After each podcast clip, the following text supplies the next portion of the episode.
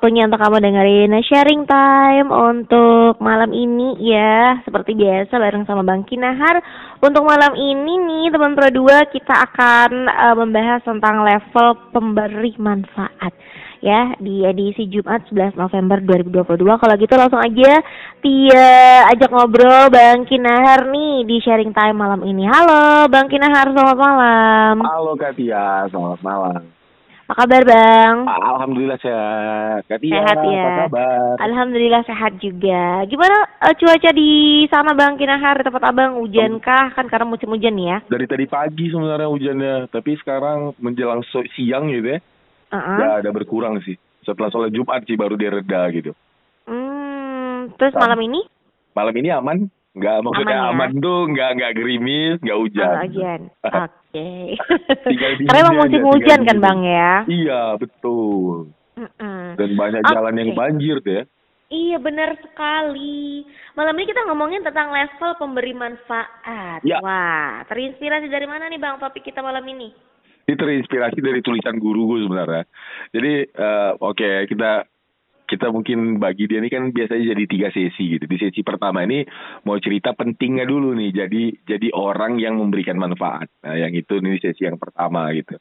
Uh, ini mau pendekatannya dari mana pun, memang semua orang menurutku itu dianjurkan untuk menjadi orang yang bermanfaat bagi lingkungannya gitu. Lingkungan ini bisa bagi manusia, bisa bagi makhluk, tubuhan atau hewan gitu ya bisa memberikan manfaat lah itu tuh dari sisi mana pun memang dianjurkan begitu gitu ya. Jadi kurasa pertama kali itu kita harus sepakat dulu tentang hal itu.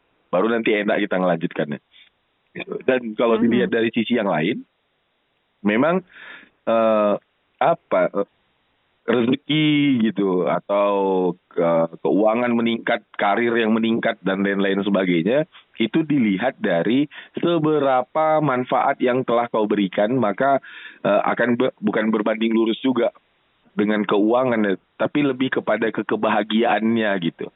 Karena kadang uang nih nggak ada hubungannya nih dengan kebahagiaan. Tapi yang kulihat orang-orang yang banyak memberikan manfaat itu biasanya hidupnya itu tidak dipicikkan gitu rezekinya gitu. Jadi apa ya uh, mungkin uangnya nggak banyak tapi juga nggak kekurangan gitulah gitu. Tapi ada juga orang yang berkelimpahan gitu karena kebermanfaatan yang dia lakukan gitulah. Jadi efek lain daripada bermanfaat itu begitu. Itu makanya kadang menjadi orang yang bermanfaat tuh ya amat sangat penting gitu. Um, dan di di apa namanya di obrolan kita minggu-minggu yang lalu gitu kan juga udah pernah kita bahas bahwa Nah, kadang tuh kerjaan tuh datang juga dilihat dari seberapa kita memberikan manfaat. Karena dengan manfaat yang kita berikan, terus kan itu terpatri gitu ya di pikiran dan di hati orang lain. Wah anak tuh bagus ya, anak tuh apa ya, apa namanya inisiatifnya tinggi ya, anak tuh tanggung jawabnya tinggi ya gitu. Dia orangnya empati ya gitu. Nah karena yang model kayak gitu, ketika ada kerjaan sama orang-orang itu, yang terpikir dia ya tentu uh, kita yang bermanfaat itu gitu. Jadi cara gampang untuk mendapatkan pekerjaan tuh ya menurutku pastikan diri kita itu penuh dengan kemanfaatan yang kita berikan. Karena itu nanti yang membuat orang tuh ingat sama kita gitu. Tapi kalau nggak ada manfaat yang kita berikan, memang hmm. nggak hmm. ada juga gitu ya. Alasan orang mau memberikan kerjaan sama kita tuh ya nggak ada gitu. Apa nih anak ini bisanya apa gitu. Dia pernah buat apa jadi nggak tahu orang. Ini mulailah dengan uh, selalu memberikan manfaat dan dan itu tuh menurutku tuh jadi jadi jadi sangat penting menurutku untuk mm-hmm. menjadi orang yang bisa memberikan manfaat itu gitu. Nah, itu dulu sih yang pertama tuh yang paling utama yang harus kita sepakati bersama bahwa pentingnya menjadi orang yang bisa memberikan manfaat. Dan ini bukan dari sisi dunia aja, aku rasa semua agama juga menyarankan begitu kan untuk tolong menolong dalam apa tolong menolong kepada orang lain gitu. Nah itu kan sama sih sebenarnya bentuk lain daripada uh, menjadi man, menjadi pemberi manfaat itu gitu kan. Wujudnya ya nolong orang buat baik sama orang apa lagi ya uh, yang memberikan solusi bukan yang bukan yang sekedar mengeluh mengkritik bukan sekedar begitu gitu. Tapi lebih kepada solutif orangnya gitu kan terus memang uh, tidak hanya menyelesaikan kerjaannya lalu santai ya nggak gitu selesai kerjaannya dia coba membantu pekerjaan orang lain gitu nah yang gitu-gitu yang memberikan manfaat jadi Kalau kita apa namanya merasa itu memang penting, aku rasa obrolan kita ke depan ini layak untuk didengarkan gitu. Mm-hmm. Ya, ya itu mungkin dulu ya di awal atau dilanjutkan aja, lanjutkan aja lah ya gitu. Lanjutkan aja bang. Nah, lanjutkan aja lah ya. Nah karena itu memang menjadi penting, ada tuh tingkatan-tingkatannya gitu. Ada orang yang melakukan uh, kebaikan tadi dalam pengertian yang memberikan manfaat, memberikan kemanfaat ini kan sama dengan melakukan kebaikan gitu ya ya ada yang melakukan kebaikan itu dia juga mengharapkan kebaikan pula. Ya ini udah bagus bagus. Ini bagus juga. Tapi ya tingkatnya ya masih di situlah gitu. Atau kalau cerita levelnya ya masih di situlah gitu. Tentu yang kita harapkan tuh yang melakukan sesuatu kemanfaatan tadi atau kebaikan tadi itu yang yang memang tanpa pamrih. Jadi dia bukan melakukan kebaikan dalam unsur dalam metode perdagangan gitu. Kalau yang perdagangan tuh aku ngasih kau uang, kau ngasih aku barang, itu kan dagang. Jadi ketika melakukan kebaikan masih mengharapkan sesuatu, yaitu masih di level perdagangan lah dia. Kita nih malam hari ini mau bercerita yang yang yang menurutku tuh di atas level perdagangan, yaitu level cinta, ini level cinta. di level cinta yang memberikan itu udah udah nggak ada lagi dia mengharapkan pamrih gitu. Jadi nggak ada, aku nggak peduli kau kau apa namanya kau membalas atau tidak, aku tidak mempedulikan itu. Yang aku tahu bahwa kau senang ketika kalau aku memberikan ini. Nah, yang udah kayak gitu tuh pahamnya gitu. Uh, kenapa ini penting? Ini balik lagi nih ke awal karena menurutku gitu dan ini boleh lah ya di, direnungkan atau didiskusikan sesama bahwa ya itu cara untuk memudahkan kehidupan kita di dunia ini gitu bahkan sampai ke akhirat pula gitu. Nah faktanya Sebelum cerita fakta aku mau nanya lah ya misalnya ke Kak Tia.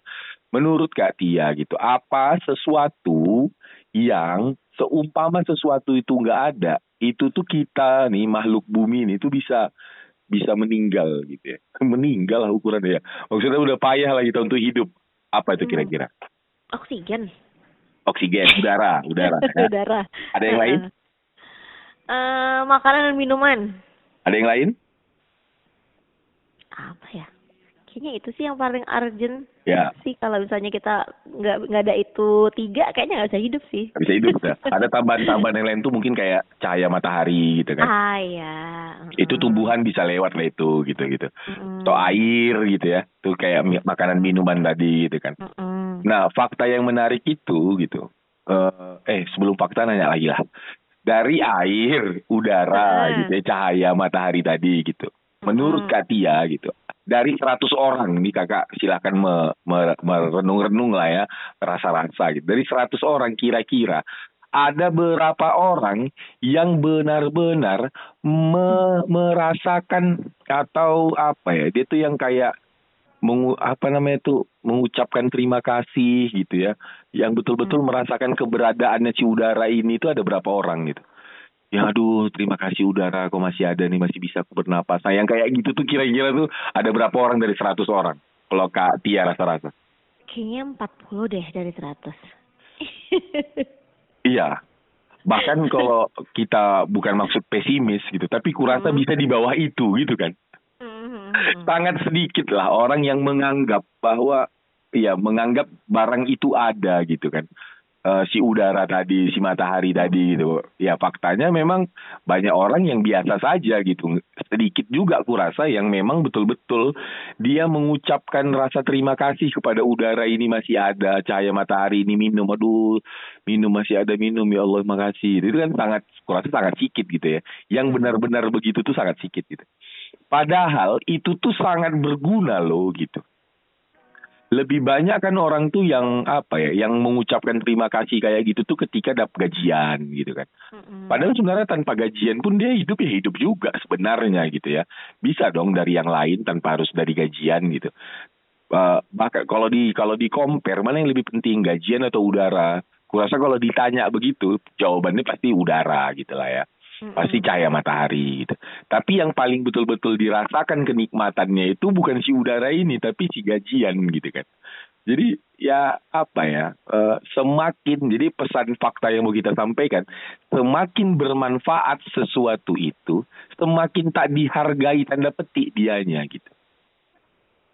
Jadi untuk mengukur ya bahwa kita itu sudah sudah se, se semanfaat apa, itu menurutku nih gitu ya bisa dilihat seberapa diakui keberadaan kita gitu. Kalau kita ada tuh diakui atau tidak. Kalau kita tak ada tuh diakui atau tidak. Gitu. Nah menurutku yang yang agak tinggi sedikit levelnya itu, ketika kau ada, kau tuh nggak nggak terlalu dianggap gitu. Tapi kalau kau nggak ada, kau dicari-cari orang. Nah, kalau udah sampai kita di level itu, nah itu level kebermanfaatan yang tinggi menurutku gitu. Kayak udara tadi lah, dia ini ada nih, tapi ya orang biasa aja. Tapi pas COVID, pas udah susah dia mau menghirup udara gitu kan, udah mulai hilang lah tuh, barulah tuh. Oh udara ke mana kau gitu kan. Baru tuh yang ketika disuruh uh, berjemur ini adalah membantu untuk meningkatkan imun tubuh tuh baru dicari-cari tuh cahaya matahari mana nih. Aduh terima kasih ada cahaya matahari gitu, gitu kan. Tapi sebelum itu ada ya biasa saja gitu. Jadi ketika dia nggak ada baru dicariin, tapi kalau dia ada orang biasa aja. Ketika kita merasa di lingkungan kita kita itu seperti itu, bersyukurlah. Karena kita kurasa nih ya tanpa bermaksud yang lain, kurasa itu masuk ke ke level tertinggi daripada sebuah kemanfaatan tadi gitu. Tapi kalau kita masih apa ya, kita ada orang terasa dan kita tak ada orang tak peduli gitu ya. Ah ini kayaknya memang perlu nih untuk meng, apa namanya merekon, merekonstruksi ulang uh, keberadaan kita itu gitu. Karena berarti kita belum belum sebermanfaat itu. Efeknya apa? Kalau memang kita belum sebermanfaat itu, yang dikhawatirkan nggak ini apa namanya, nggak nggak ada gunanya nanti kita itu ada gitu di situ tuh untuk apa gitulah. Ini memang nggak nggak sebermanfaat itu kita kan, ya ya jadi nggak dianggap orang lah gitu. Nah kalau nggak dianggap orang ya kalau kita meninggal ya udah meninggal meninggal aja gitu, yang gitu jadinya gitu.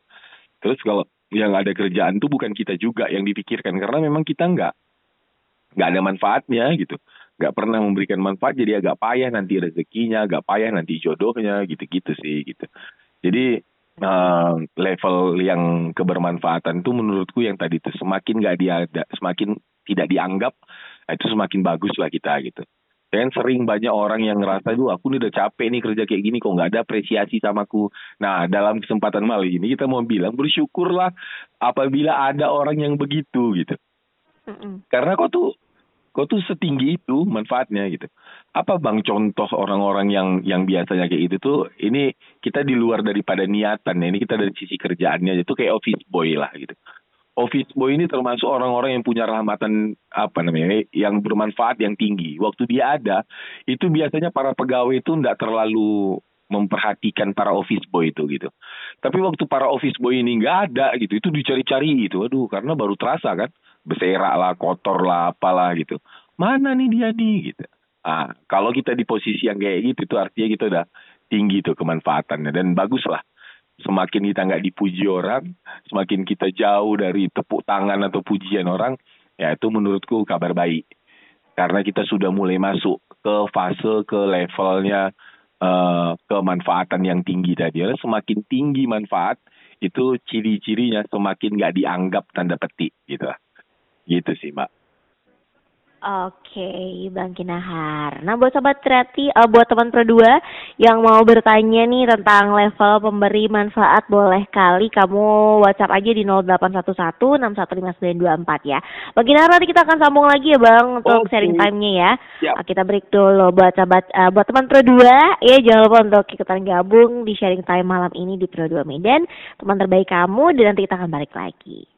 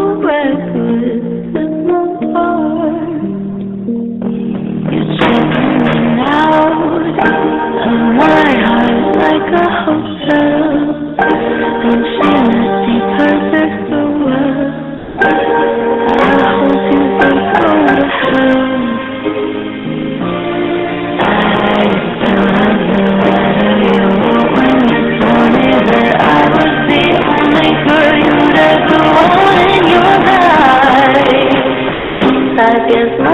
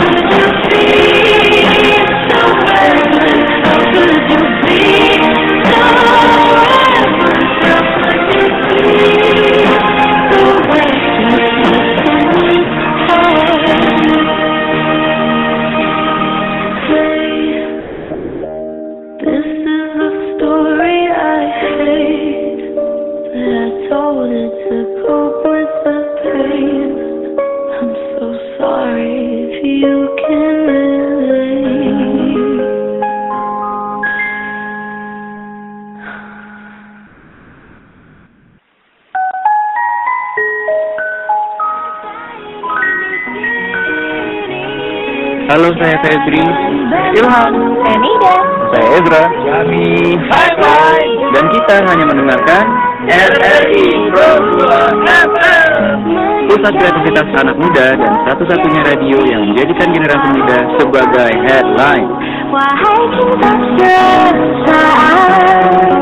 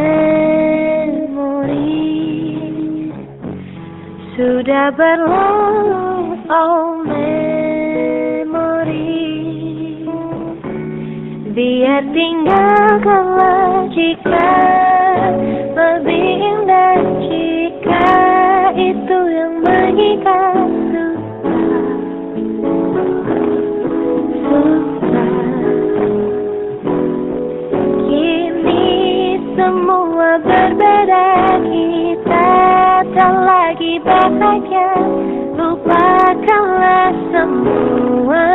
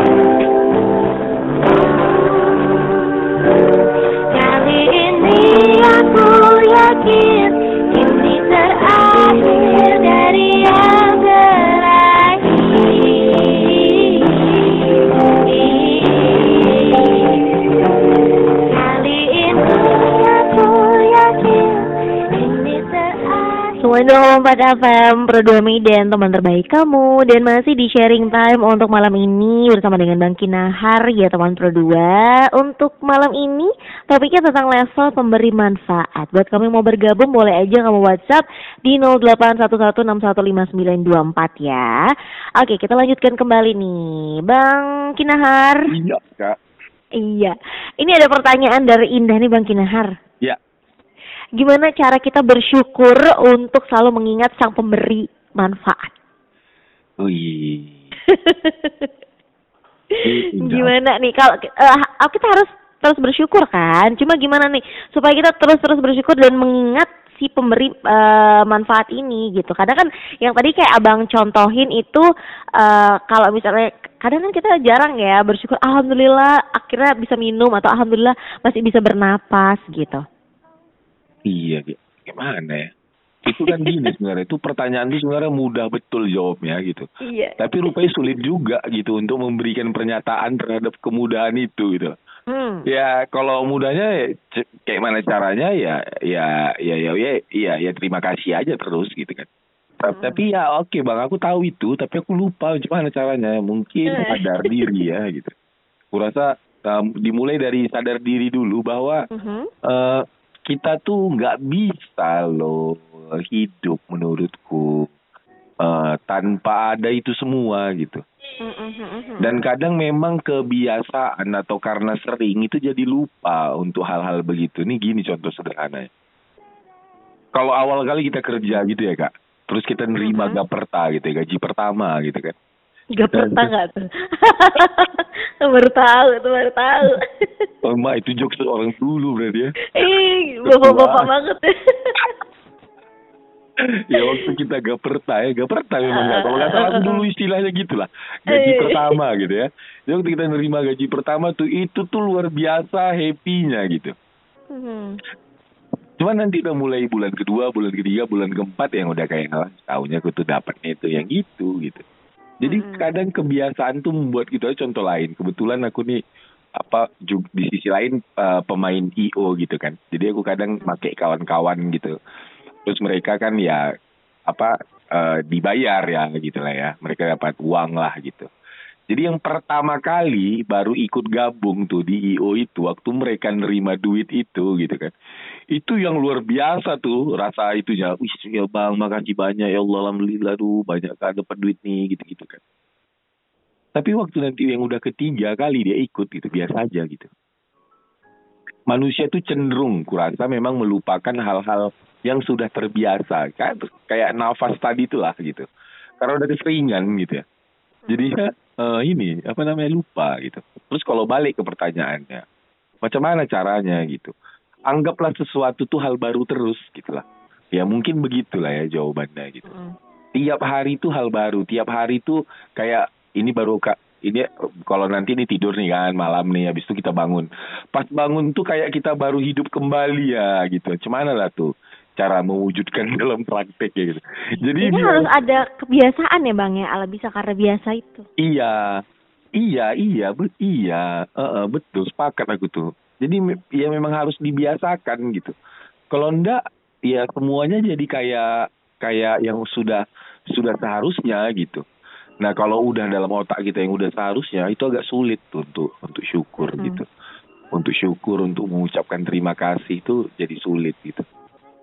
Itu sih mungkin jawaban. Tapi kalau dikaitkan dengan materi kita atau bahasan kita malam hari ini, ya karena kita sering memang memberikan manfaat itu kepada orang lain, itu lama-lama kita jadi diabaikan gitu. Contohnya kayak tadi itu yang office boy. Contoh yang lain tuh kayak eh, apa namanya tuh kak tukang ngutip sampah itu gitu. Hmm. Bagian kebersihan kota yang ngambil-ngambil sampah di rumah, yang ngambil sampah di paret itu tuh waktu orang tuh kerja itu nggak ada yang peduli gitu loh. Biasa aja gitu lah.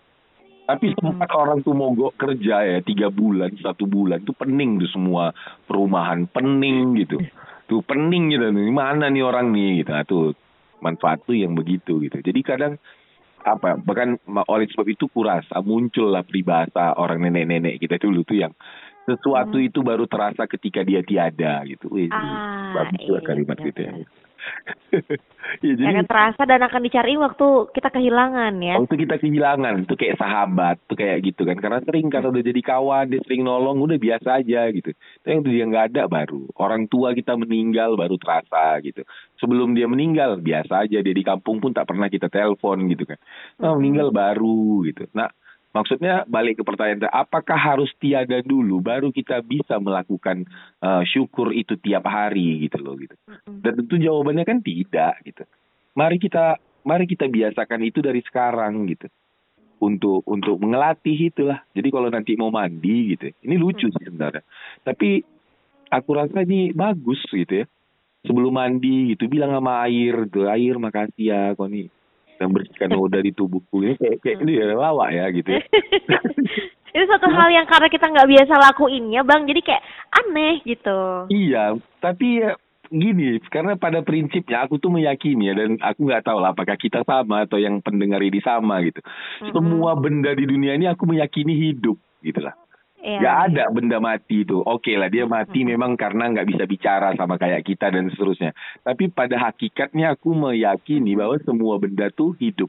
Contohnya tuh kan kayak apa ya? Itu ada penelitian namanya tuh Profesor yang Emusaro Emuto kalau nggak salah orang Jepang, yang dia ngambil air, terus satu air ini dicaci makinya, satu air lagi dari wadah yang lain itu dipuji-pujinya, lalu dibekukan, bekunya be- diambilnya lah. hmm, apa molek ya itulah ya kayak molekulnya gitu terus di Mhm. di di mikroskop eh mikroskop di mikroskopkannya gitu dilihat mol- bentuk molekulnya gitu ya.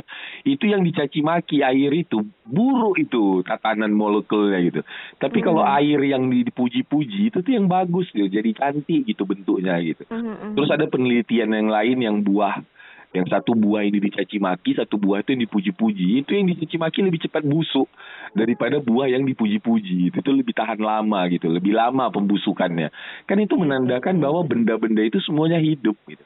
Kalau mereka itu memang hidup, kenapa nggak sekali-sekali kita tuh bukan sekali-sekali, kalau bisa rutin kan untuk mengucapkan rasa yang begitu gitu. Mhm. Makasih ya gitu. Kayak ini ya ini memang kayak bodoh sih sebenarnya kayak jantung gitu. Sebelum tidur nanti agak dipegang dada sebelah kiri itu kan jantung. Kau nih aku tidur kau kerja gitu. Ini aku kadang ngerokok, bikin kau capek, tapi kau masih tetap kerja, makasih ya. Kau masih tetap terus berdetak gitu. Kalau sempat dia berhenti berdetak lewat kita loh gitu. Tapi ya itu ciri-ciri balik ke judul kita itu ciri-ciri level tertinggi dari kebermanfaatan. Semakin tak tak dianggap gitu. Oleh sebab itu kita tuh yang masih berharap dipuji ketika melakukan sesuatu kasih aku puji pujian reward atau apa. Mhm. Nah itu berarti kok belum. Karena memang tentu cerita tentang kebermanfaatan itu kan ada dua hal. Satu tuh di perlakuannya, tindakannya. Satu lagi tuh niatan dalamnya gitu. Kalau dari tindakan mungkin kita bisa sama. Tapi isi dalam ini yang membedakan. Eh, yang satu tuh sama-sama dia sama-sama dia bermanfaat tapi satu bisa lebih bahagia satu tuh bisa nggak bahagia loh dengan menolong orang gitu.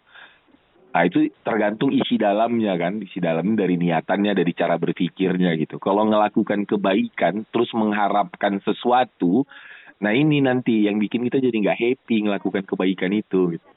nah dalam kesempatan ini kita mau bilang lakukanlah itu tanpa kau meminta eh, di, di dianggap gitu. Tanpa kau mera, tanpa kau harus diminta apa namanya tanpa kau meminta pujian gitu. Lakukan aja lakukan aja gitu. Dan sebenarnya eh, kalau di, di direnungkan lebih dalam lagi gitu. Mhm. un- maksudnya eh, untuk apa pujian itu gitu? Ini aku ada sama abangku ya. Eh, yang dia ngomong kayak gitu aku pernah bilang bang abang ngapa nggak pernah muji tim tim abang itu? Gitu. Terus jawabannya untuk apa aku mujinya kata gitu. Mah agak kejam nih menurutku gitu. Loh kok kayak gitu kali bang gitu. Iya yang dia lakukan memang udah standar kan gitu. Di mana hebatnya kata dia. Maksudnya di mana aku harus memujinya gitu. Kan kita nih memuji atau memberikan apresiasi kan kepada sesuatu yang di luar daripada yang dia lakukan dong gitu. Barulah kita mengapresiasi gitu. Contoh misalnya nih ada orang dimaki-maki terus dia sabar nggak marah gitu. Itu di mana hebatnya coba karena kan memang manusia itu disuruh begitu gitu.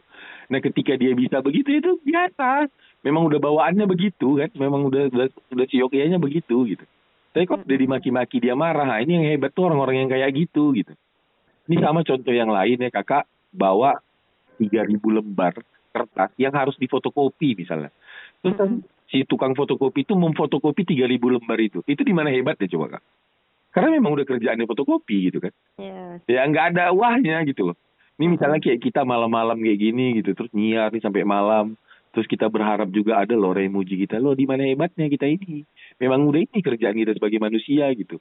Apa namanya saling mengingatkan, saling memberita, memberikan pemahaman dan seterusnya gitu. Jadi nggak ada hebatnya sebenarnya kita ini. Gitu. Ini nggak perlu kita diapresiasi juga tuh nggak perlu gitu. Oleh sebab itu dalam pemikiran yang lain, kesimpulan yang lain, kita tuh kurasa ya, memang ditakdirkan untuk menjadi orang yang berguna untuk orang lain dalam pengertian yang kehadirannya tuh macam-macam nggak ada. Tapi nanti waktu dia nggak ada tuh baru tuh terasa betul gitu. Jadilah yang begitu gitu. Nah itu tuh agak berat seumpama memang masih mengedepankan pujian, masih mengedepankan materi. Ya aku kerja nih harus dibayar, yang masih ngomong-ngomong gitu. Itu agak agak agak agak berat untuk mencapai level eh, menjadi menjadi orang yang bermanfaat gitu. Karena aku rasa eh, level tertinggi dari menjadi orang yang bermanfaat tuh dia melakukannya tidak lagi atas sesuatu gitu. Udah aku ngelakuinnya karena cinta aja udah gitu. Ya aku tahu kok suka, aku tahu Tuhanku suka kalau aku begini, ya udah aku buat aja gitu. Perkara nanti dipuji orang, perkara nanti dapat materi, alah udahlah yang penting Tuhan suka. Kalau Tuhan suka kan masa sih dia membiarkan hidupku sulit gitu kan. Ya karena ada nah yang kayak kayak gitulah itu. Jadi udah udah apa ya udah udah udah nggak ada lagi tuh pe- pembatasnya terhadap materi itu melakukan itu gitu. Itu. Oke, baik. Nah, ini buat sahabat eh, buat teman Pro 2 yang ingin bertanya lagi silakan aja di 06 eh, 081161615924. Ini mau satu lagu dulu atau langsung eh, kesimpulannya, Bang? Oh langsung kesimpulan bisa juga. Jadi eh, Oke. kalau kalau tapi, tapi bu- mungkin bu, eh, kita tahu pakai istilah kesimpulan ada beberapa catatan lah yang Mhm, menurutku bahwa eh, menjadi menjadi orang yang berguna itu itu adalah target dari semua kita yang ada di bumi ini menurutku begitu gitu. Kenapa begitu? Karena aku meyakini Tuhan tuh nyuruh kita begitu. Gak ada tuh Tuhan di agama mana pun yang menyuruh umatnya untuk jadi penjahat tuh nggak ada. Itu aku meyakini itu semua Tuhan di agama mana pun menyuruh umatnya untuk menjadi orang baik yang berguna untuk orang lain. Poin catatan yang yang kurasa perlu disampaikan. Nah fakta yang lain yang menariknya itu yang bagaimana cara dunia ini bekerja. Ketika kau berguna untuk orang lain, itu secara otomatis kau nanti akan dipergunakan juga oleh orang lain gitu. Jadi ketika kau dipergunakan oleh orang lain tuh secara otomatis pula kau akan mendapatkan yang namanya rezeki, duit atau apa pun itulah jabatan dan lain-lain. Jadi kadang rezeki itu dalam pengertian apa pun hanya efek samping dari ketika kita melakukan kebaikan kepada orang lain. Jadi fokusnya itu ini mau digeser pahamnya. Fokusnya itu bukan dalam bukan mencari duitnya itu, tapi eh, fokusnya itu seberapa manfaat kita ke orang lain gitu. Lakukanlah itu gitu. Apa pun dan mulai dari mana pun, nggak usah berpikir yang besar dulu, dari yang kecil-kecil aja. Pastikan lingkungan kita bersih, gitu ya, nyabut rumput kita di rumah, nyapu halaman. Dari yang kecil begitu aja, nanti lama-lama berkembang tuh, gitu. Nanti lama-lama berkembang fokusnya sama yang itu aja gitu. Nah, nanti tuh yang lain-lain tuh akan datang dengan sendirinya. Aku tuh sangat meyakini itu. Mungkin para pendengar ada yang berbeda dengan kita. Tapi kalau boleh aku menyarankan gitu. Eh, coba pakai yang gaya yang kusampaikan barusan ini gitu. Baru nanti kita lihatlah bagaimana 10 hari ke depan, 20 hari ke depan ada perubahan atau tidak. Toh apa ya, kalau seumpama kita berbeda terhadap pemahaman ini gitu. Ya yang berbeda ini kan kalian sudah menggunakan cara berpikir kalian itu berapa lama loh gitu. Nah, kan nggak ada salahnya juga mencoba cara berpikir yang baru kita dengar malam hari ini mungkin gitu. Kan nggak apa-apa juga ngetes ya lah yang penting aku berguna untuk orang, aku lakukan lah. Aku dibayar atau tidak, aku nggak peduli lah. Yang penting aku bermanfaat. Yang begitu-begitu aja gitu.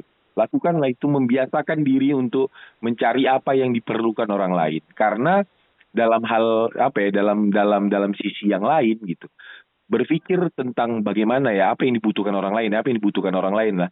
Ini adalah cara berpikir untuk menentukan peluang usaha gitu. Jadi yang kupahami itu kalau orang bertanya apa ya peluang usaha saat ini? Ya jawaban yang paling sederhana ialah apa yang dibutuhkan orang? Ya udah itu yang kau siapkan gitu. Maka dia akan jadi peluang usaha. Dikala orang macet terus ada orang yang bikin ojek online gitu. Jadi yang gitu-gitu kan di saat orang kesulitan untuk berkonsultasi dengan dokter, terus ada orang yang menyediakan aplikasi mudah berdialog dengan dokter, yaitu jadi jadi peluang usaha gitu. Jadi peluang usaha adalah apa yang dibutuhkan orang lain, sediakan apa yang dibutuhkan orang lain. Nah tentu ini harus dilatih. Semakin besar masalah yang kau pecahkan, maka usahamu akan semakin besar pula gitu. Jadi semakin besar kebermanfaatan yang kau berikan, itu tuh apa ya rezeki itu jadi jadi apa tuh? Jadi ampun-ampun lah kita nerima rezeki itu gitu. Karena ya dia akan berbanding lurus lah. Paling tidak oke. Okay. Aku juga nggak mau me, me, membatasi otak kita nih hanya sebatas rezeki gitu. Tapi yang paling pasti, yang paling utama tuh kebahagiaan tadi itulah.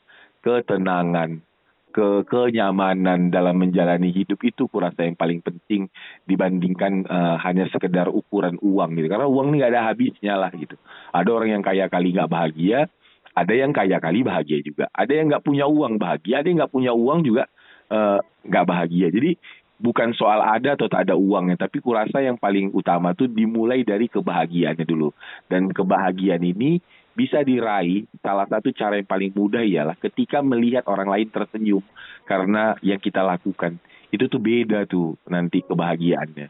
Nah, yang kayak begitu tuh nanti apa ya? Kalau dalam istilah yang lain tuh kan ada bahasanya yang kau urus urusanku, maka aku akan mengurus urusanmu.